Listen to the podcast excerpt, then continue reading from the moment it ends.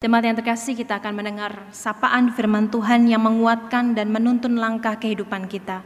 Mari kita menundukkan diri dan hati kita memohon agar rahmatnya yang besar menolong kita bukan hanya untuk mengerti, tetapi betul-betul merasakan kasihnya yang mencelikkan setiap mata kita. Mari kita berdoa. Saat ini mungkin saja mata kami sedang tertutup dan terhalau oleh semua ketakutan-ketakutan kami, pada kondisi dunia yang terjadi saat ini. Pada mewabahnya virus corona dan semua kesulitan serta pergumulan kehidupan yang ikut terkena imbasnya. Kami khawatir akan masa depan kami. Kami khawatir akan hidup kami. Kami khawatir akan orang-orang yang kami kasihi yang tinggalnya jauh dan rasanya setiap hari kami menemukan alasan untuk hidup dalam ketakutan. Tapi hari ini Tuhan, kami rindu untuk kembali dikuatkan, untuk kembali disapa oleh kebenaran sabda firman Tuhan yang menolong kami untuk mengerti Bagaimana kasihmu yang tidak pernah pergi dari hidup kami itu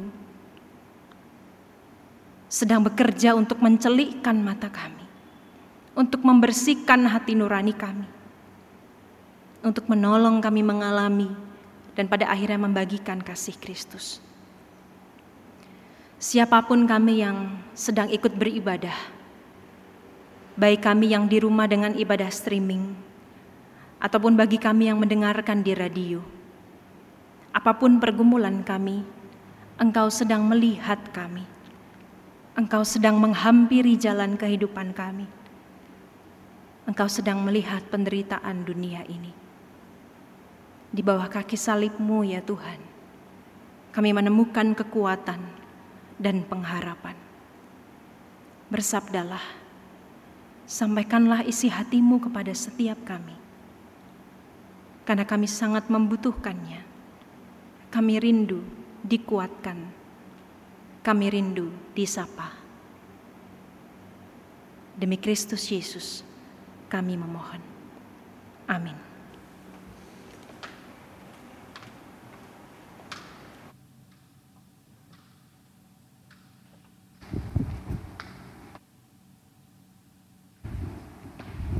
Jemaat yang terkasih, pembacaan Injil kita pada ibadah Minggu Prapaskah yang keempat ini terambil dari Injil Yesus Kristus menurut Injil Yohanes pasal yang ke-9 ayat 1 sampai dengan ayat yang ke-41. Dengarkanlah Injil Yesus Kristus. Injil Yohanes pasal yang ke-9 ayat pertama sampai 41. Waktu Yesus sedang lewat, ia melihat seorang yang buta sejak lahirnya. Murid-muridnya bertanya kepadanya, Rabi, siapakah yang berbuat dosa? Orang ini sendiri atau orang tuanya sehingga ia dilahirkan buta? Jawab Yesus, bukan dia dan bukan juga orang tuanya. Tetapi karena pekerjaan-pekerjaan Allah harus dinyatakan di dalam dia. Kita harus mengerjakan pekerjaan dia yang mengutus aku selama masih siang akan datang malam di mana tidak ada seorang pun yang dapat bekerja. Selama aku di dalam dunia, akulah terang dunia. Setelah ia mengatakan semuanya itu, ia meludah ke tanah dan mengaduk ludahnya itu dengan tanah. Lalu mengoleskannya pada mata orang buta tadi dan berkata kepadanya, Pergilah, basuhlah dirimu dalam kolam Siloam. Siloam artinya yang diutus. Maka pergilah orang itu, ia membasuh dirinya, lalu kembali dengan matanya yang sudah melek. Tetapi tetangga-tetangganya dan mereka yang dahulu mengenalnya sebagai pengemis berkata, Bukankah dia ini yang selalu mengemis? Ada yang berkata, benar, dialah ini. Ada pula yang berkata, bukan, tetapi ia serupa dengan dia. Orang, in, orang itu sendiri berkata, Benar, akulah itu. Kata mereka kepadanya, bagaimanakah matamu menjadi melek? Jawabnya, orang yang disebut Yesus itu mengaduk tanah, mengoleskannya pada mataku dan berkata kepadaku, pergilah ke Siloam dan basuhlah dirimu. Lalu aku pergi dan setelah aku membasuh diriku, aku dapat melihat. Lalu mereka berkata kepadanya, di manakah dia?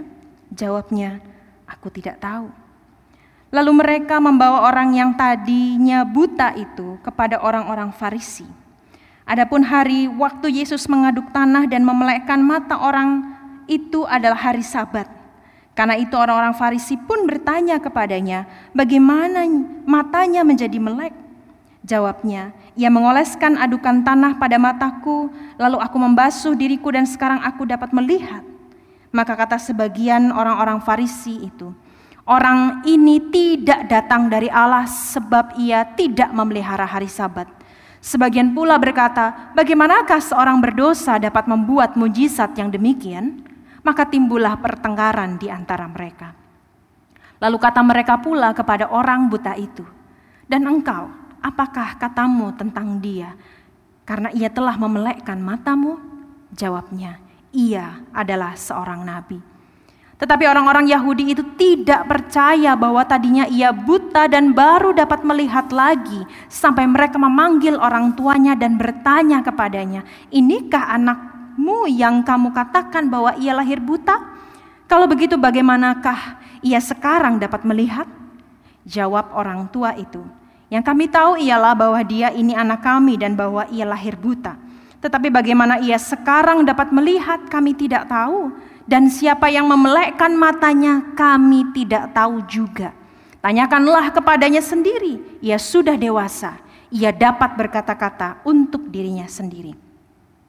Orang tuanya berkata demikian karena mereka takut kepada orang-orang Yahudi, sebab orang-orang Yahudi itu telah sepakat bahwa setiap orang yang mengaku dia sebagai Mesias akan dikucilkan. Itulah sebabnya maka orang tuanya berkata, ia telah dewasa, tanyakanlah kepadanya sendiri. Lalu mereka memanggil sekali lagi orang yang tadinya buta itu dan berkata kepadanya, katakanlah kebenaran di hadapan Allah, kami tahu bahwa orang itu orang berdosa. Jawabnya, apakah orang itu orang berdosa? Aku tidak tahu. Tetapi satu hal aku tahu, yaitu bahwa aku tadinya buta dan sekarang dapat melihat. Kata mereka kepadanya, apakah yang diperbuatnya padamu? Bagaimanakah ia memelekkan matamu? Jawabnya, telah kukatakan kepadamu dan kamu tidak mendengarkannya. Mengapa kamu hendak mendengarkannya lagi? Barangkali, barangkali kamu mau menjadi muridnya juga? Sambil mengejek mereka berkata kepadanya, Engkau murid orang itu tetapi kami murid-murid Musa. Kami tahu bahwa Allah telah berfirman kepada Musa tetapi tentang dia itu kami tidak tahu dari mana ia datang. Jawab orang itu kepada mereka, aneh juga bahwa kamu tidak tahu dari mana ia datang sedangkan ia telah memelekkan mataku. Kita tahu bahwa Allah tidak mendengarkan orang-orang berdosa, melainkan orang-orang yang saleh dan yang melakukan kehendaknya. Dari dahulu sampai sekarang tidak pernah terdengar bahwa ada orang yang memelekkan mata orang yang lahir buta Jikalau orang itu tidak datang dari Allah, ia tidak dapat berbuat apa-apa. Jawab mereka, engkau ini lahir sama sekali dalam dosa dan engkau hendak mengajar kami? Lalu mereka mengusir dia keluar. Yesus mendengar bahwa ia telah diusir keluar oleh mereka. Kemudian ia bertemu dengan dia dan berkata, Percayakah engkau kepada anak manusia? Jawabnya, siapakah dia Tuhan? Supaya aku percaya kepadanya. Kata Yesus kepadanya, engkau bukan saja melihat dia, tetapi dia yang sedang berkata-kata dengan engkau, dialah itu. Katanya, aku percaya Tuhan. Lalu ia sujud menyembahnya. Kata Yesus, aku datang ke dalam dunia untuk menghakimi, supaya barang siapa yang tidak melihat dapat melihat, dan supaya barang siapa yang dapat melihat menjadi buta. Kata-kata itu didengar oleh beberapa orang Farisi yang berada di situ, dan mereka berkata kepadanya, "Apakah itu berarti bahwa kami juga buta?" Jawab Yesus kepada mereka, "Sekiranya kamu buta, kamu tidak berdosa, tetapi karena kamu berkata, 'Kami melihat', maka tetaplah dosamu. Demikianlah Injil Yesus Kristus berbagailah setiap kita yang bukan saja membaca dan bukan hanya saja mendengar, tetapi yang setia memelihara dan melakukan Injil hari lepas hari. Hosiana.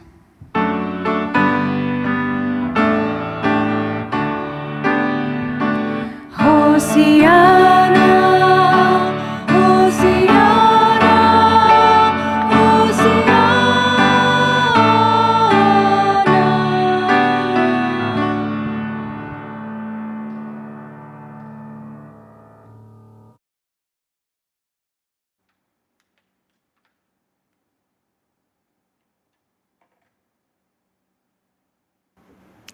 Shalom jemaat yang terkasih, baik Anda yang sedang mengikuti ibadah melalui streaming ataupun Anda yang sedang mendengar di radio.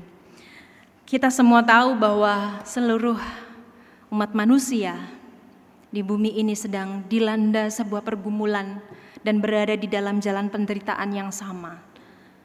Tentang kengerian pada cepatnya persebaran virus corona yang ternyata tidak lagi bisa disepelekan, yang ternyata tidak lagi hanya bisa kita dengar terjadi di luar kehidupan kita. Namun virus ini betul-betul mengancam. Dalam minggu-minggu ini keadaan berubah dengan sangat cepat.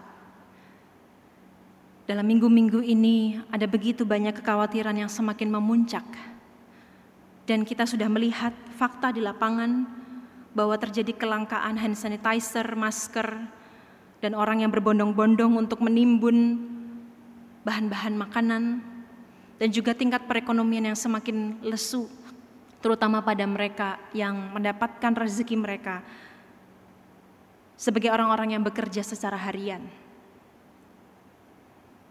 Ketika kita memakai logika kita, banyak sekali alasan untuk kita takut ketika kita memakai seluruh akal budi kita, akan ada banyak alasan yang membuat kita khawatir pada keadaan seperti ini.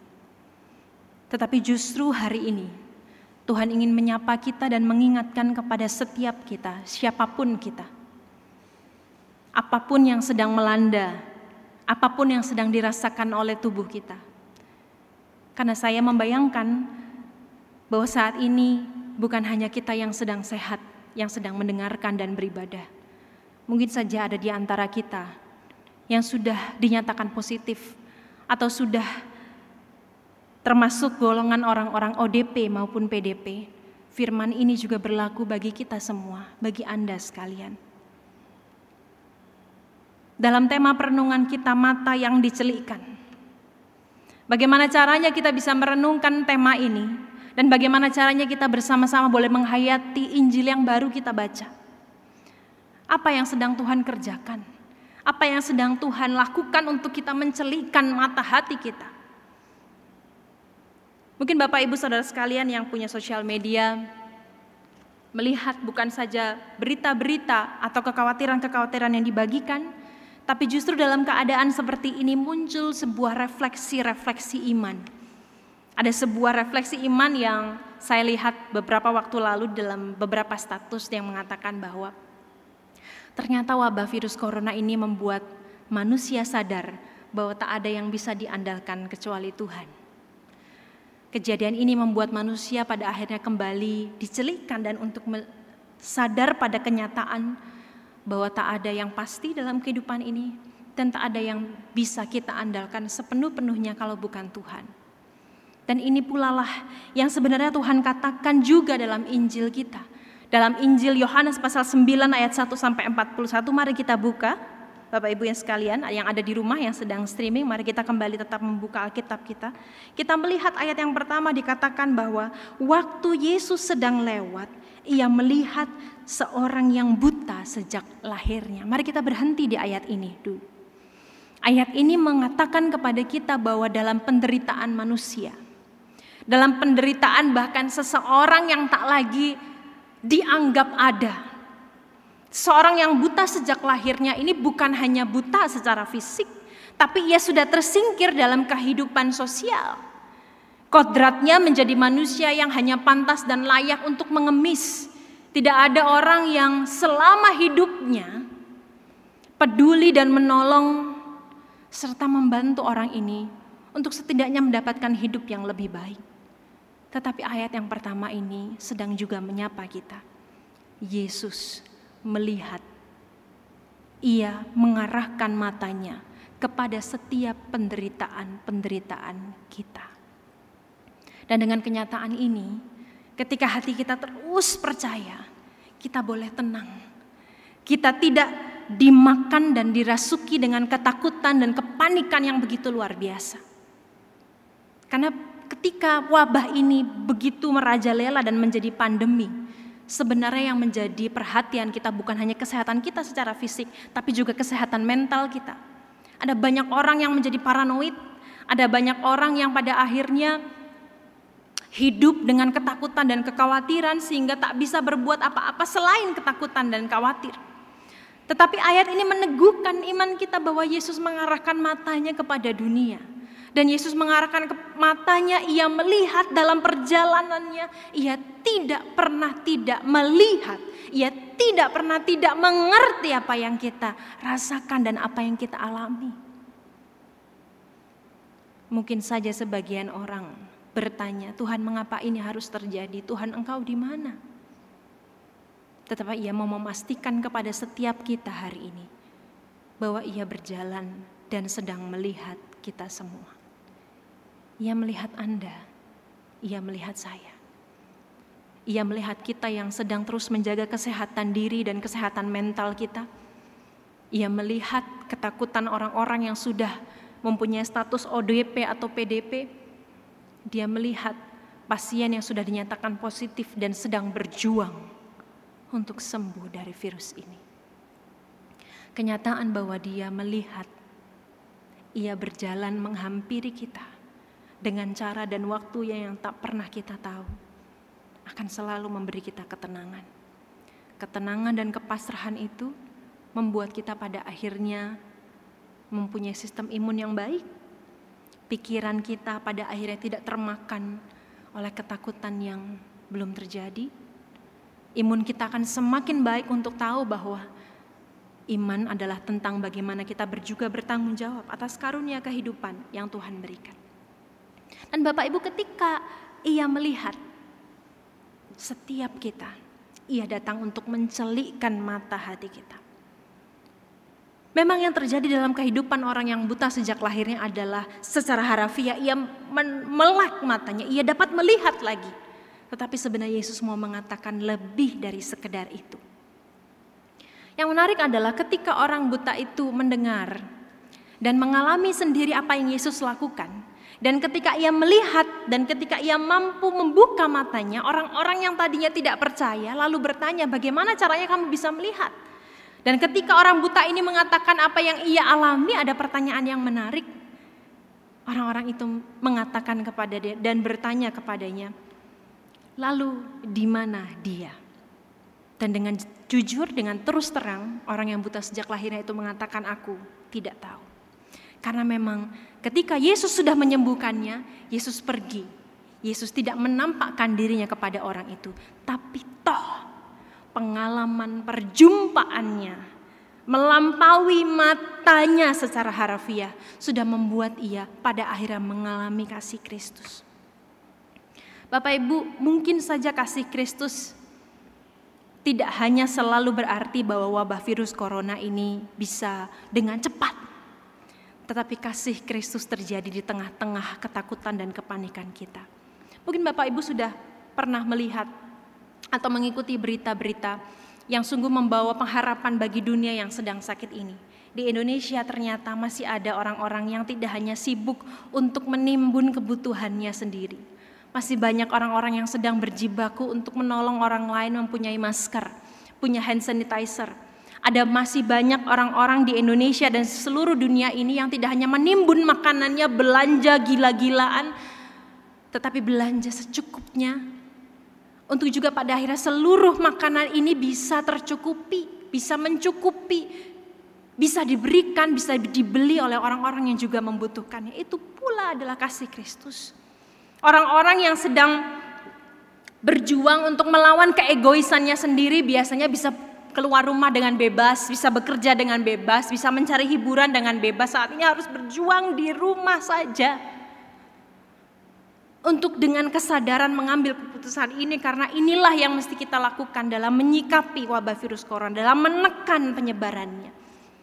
Kasih Kristus itu mencelikkan mata kita, membuat orang-orang melihat bahwa mereka, setiap mereka punya tanggung jawab sosial untuk mereka lakukan. Ini adalah kasih Kristus. Ini adalah cara Kristus dari sekian banyak caranya yang tak mampu kita duga dan tak mampu kita pikirkan untuk membuat kita pada akhirnya melek. Untuk membuat kita pada akhirnya terbuka mata hati kita tentang apa yang mesti kita lakukan. Tetapi ternyata kebaikan yang sedemikian rupa masih saja membuat beberapa orang Farisi betul-betul sampai di akhir kisah ini malah justru mengusir orang yang buta sejak lahirnya. Malah justru tidak percaya pada kebaikan Kristus yang secara nyata sudah dilihat. Dia yang dulunya buta dan saat ini sudah bisa melihat dan bukankah itu hal yang baik yang harus disiarkan. Tapi bagi mereka yang tak mau percaya. Mereka tak akan pernah mengalami, mereka tak akan pernah melihat kebaikan Kristus yang sebenarnya ada di depan mata mereka. Dan dalam keadaan seperti ini Bapak Ibu saya sungguh sedih dan saya rasa kita semua sedih. Bukan hanya tentang prinsip perekonomian. Tetapi ini sudah mengacu pada prinsip kemanusiaan. Ketika orang berbondong-bondong membeli dengan tidak manusiawi, lalu menjualnya dengan harga yang sangat tinggi baik masker, hand sanitizer. Kelangkaan terjadi di mana-mana, dijual dengan berkali-kali lipat. Luar biasa tanpa pernah. Apakah mereka berpikir kalau wabah ini mengenai mereka? Apa yang mereka lakukan? Mengambil keuntungan di tengah-tengah penderitaan seluruh umat manusia. Bagi mereka yang tak percaya bagi mereka yang tak melihat bagi mereka yang tak mau mengakui bahwa seharusnya ada kebaikan-kebaikan yang bisa kita lakukan, mata mereka tetap buta meskipun secara harfiah mereka melihat. Tapi mata hati mereka tertutup, kegelapan menguasai mereka, kebencian menguasai mereka, kerakusan menguasai mereka, ketamakan menguasai mereka. Di saat-saat seperti ini Bapak Ibu, refleksi saya secara pribadi adalah sebenarnya tak ada lagi energi kita untuk membenci. Kita tak punya energi untuk memfitnah. Kita tak punya energi untuk memelihara luka dalam diri. Mau sampai kapan kita hidup seperti itu? Ini waktunya bagi seluruh umat manusia. Mata kita dicelikan untuk ayo kita berbuat baik. Kita menjadi tangan Kristus yang menolong orang-orang yang sedang menderita. Ada begitu banyak hal yang dapat kita lakukan Bapak Ibu. Dan hari ini, saat ini adalah waktunya. Mata kita dicelikan dari kebencian. Mata kita dikecelikan dari fitnahan. Mata kita dicerikan dari kemarahan, dari hasutan, dari ujaran kebencian, dari asumsi-asumsi dan penghakiman yang harusnya itu selesai agar kita mampu fokus melakukan kebaikan ini. Kebaikan yang Kristus lakukan kita ini bersama-sama, kita menghadapinya bersama-sama. Inilah yang menjadi panggilan kita semua. Inilah yang menjadi panggilan seluruh umat manusia. Inilah yang sedang Allah lakukan untuk membuka mata kita, melihat padanya, dan melakukan kasih Kristus.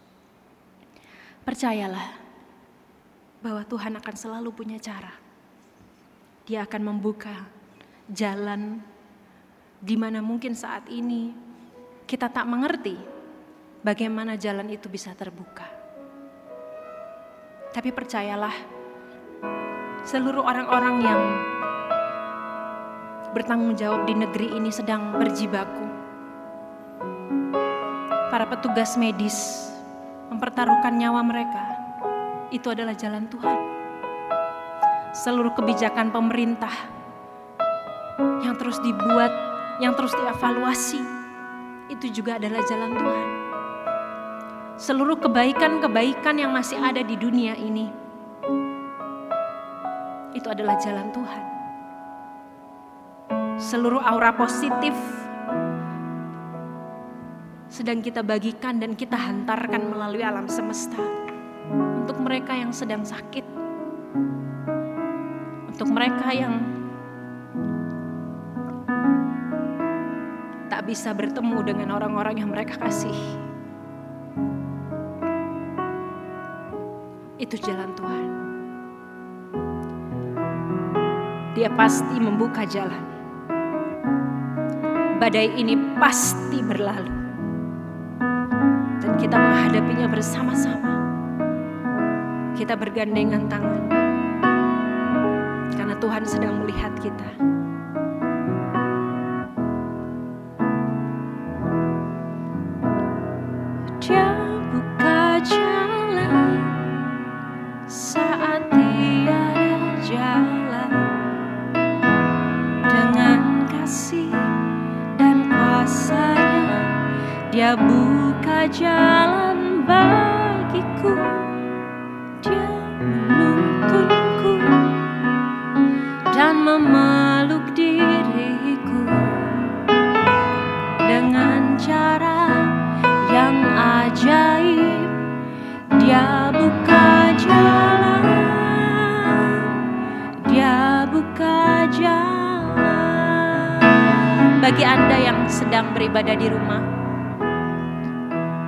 Bagi Anda yang mendengar peribadahan ini di radio bagi rekan-rekan pelayanan yang beribadah di gereja ini mari kita pujikan nyanyian ini sekali lagi bersama-sama sebagai sebuah doa kita bersama. Kita mungkin terpisah oleh jarak, tetapi ketika setiap orang berdoa dan menengadahkan tangannya di hadapan Tuhan, kita tahu bahwa Ia sedang berbuat sesuatu untuk menolong kita. Ia sedang mencelikan mata kita setiap saat agar kita selalu percaya bahwa hal ini pasti akan berlalu pada akhirnya. Mari kita isi kehidupan kita dengan berbuat kebaikan. Berhentilah membenci, berhentilah menghakimi, berhentilah memfitnah. Berhentilah untuk egois hanya memikirkan diri sendiri. Tuhan sedang mencelikkan mata kita, mata setiap kita. Dia buka jalan saat tiada jalan dengan kasih dan kuasanya dia buka jalan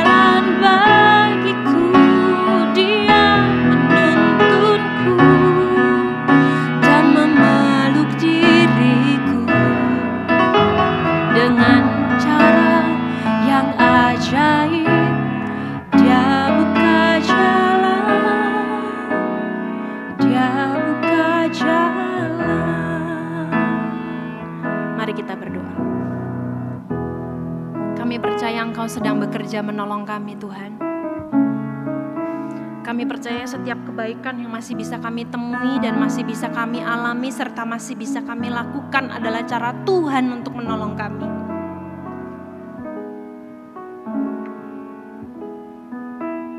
Kami percaya bahwa Engkau tidak pernah meninggalkan kami. Dan itu sungguh sangat cukup membuat kami yakin bahwa kami punya tanggung jawab untuk kami lakukan. Bahwa tindakan untuk kami bertahan di rumah aja itu bukan sebuah tindakan sederhana, tapi sebuah tindakan yang sangat berarti. Yang menjadi perwujudan jalan Tuhan bagi setiap manusia dan setiap pergumulan kami. Dan juga bagi kami yang harus mau tidak mau, bagi kami yang tidak punya pilihan yang harus bekerja mencari nafkah keluar rumah. Itu pun adalah hal yang kami lakukan sebagai jalan Tuhan menolong keluarga kami, mencukupkan kebutuhan keluarga kami. Celikkanlah mata kami Tuhan, untuk tidak hanya memikirkan kebutuhan dan kesehatan kami sendiri, tapi juga sesama kami. Mereka juga yang sedang bergumul, entah kami mengenalnya atau tidak. Tapi kami mau menjadi jalan-jalan yang Tuhan bukakan, menjadi harapan dan kebaikan bagi dunia yang bukan hanya membutuhkan obat dari virus corona, tapi membutuhkan kebaikan dari sesama manusia. Terima kasih untuk firman yang sudah membuka mata hati kami, menguatkan kami. Kami tahu kami tidak pernah sendiri. Selalu ada tangan Tuhan. Selalu mata Tuhan tertuju pada kami, tertuju pada dunia, tertuju pada Indonesia, tertuju bagi setiap orang yang terus menengadakan hati dan tangannya. Kami percaya Engkau membuka jalan Tuhan. Kami percaya Engkau membuka jalan. Demi Kristus Yesus, kami memohon.